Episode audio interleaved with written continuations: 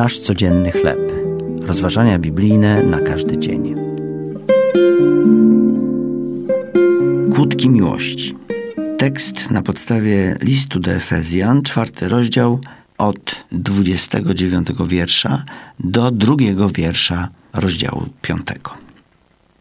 Kłódki miłości są narastającym fenomenem. Tysiące zakochanych ludzi na całym świecie przyczepia je do mostów, bram i ogrodzeń.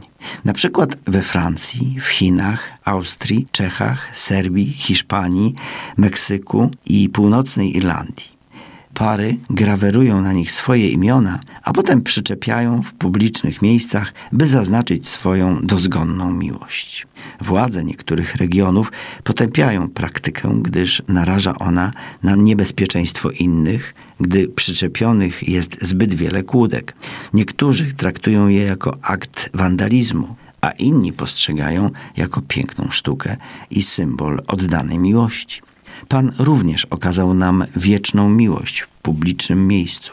Wyraził ją na krzyżu, gdy oddał swoje życie, by odpuścić nam grzechy.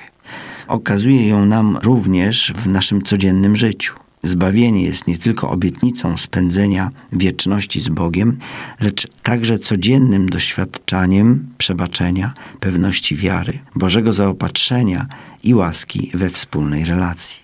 Miłość Jezusa w stosunku do nas stanowi podstawę dla apostoła Pawła, by zachęcić nas do chodzenia w miłości z bliźnimi.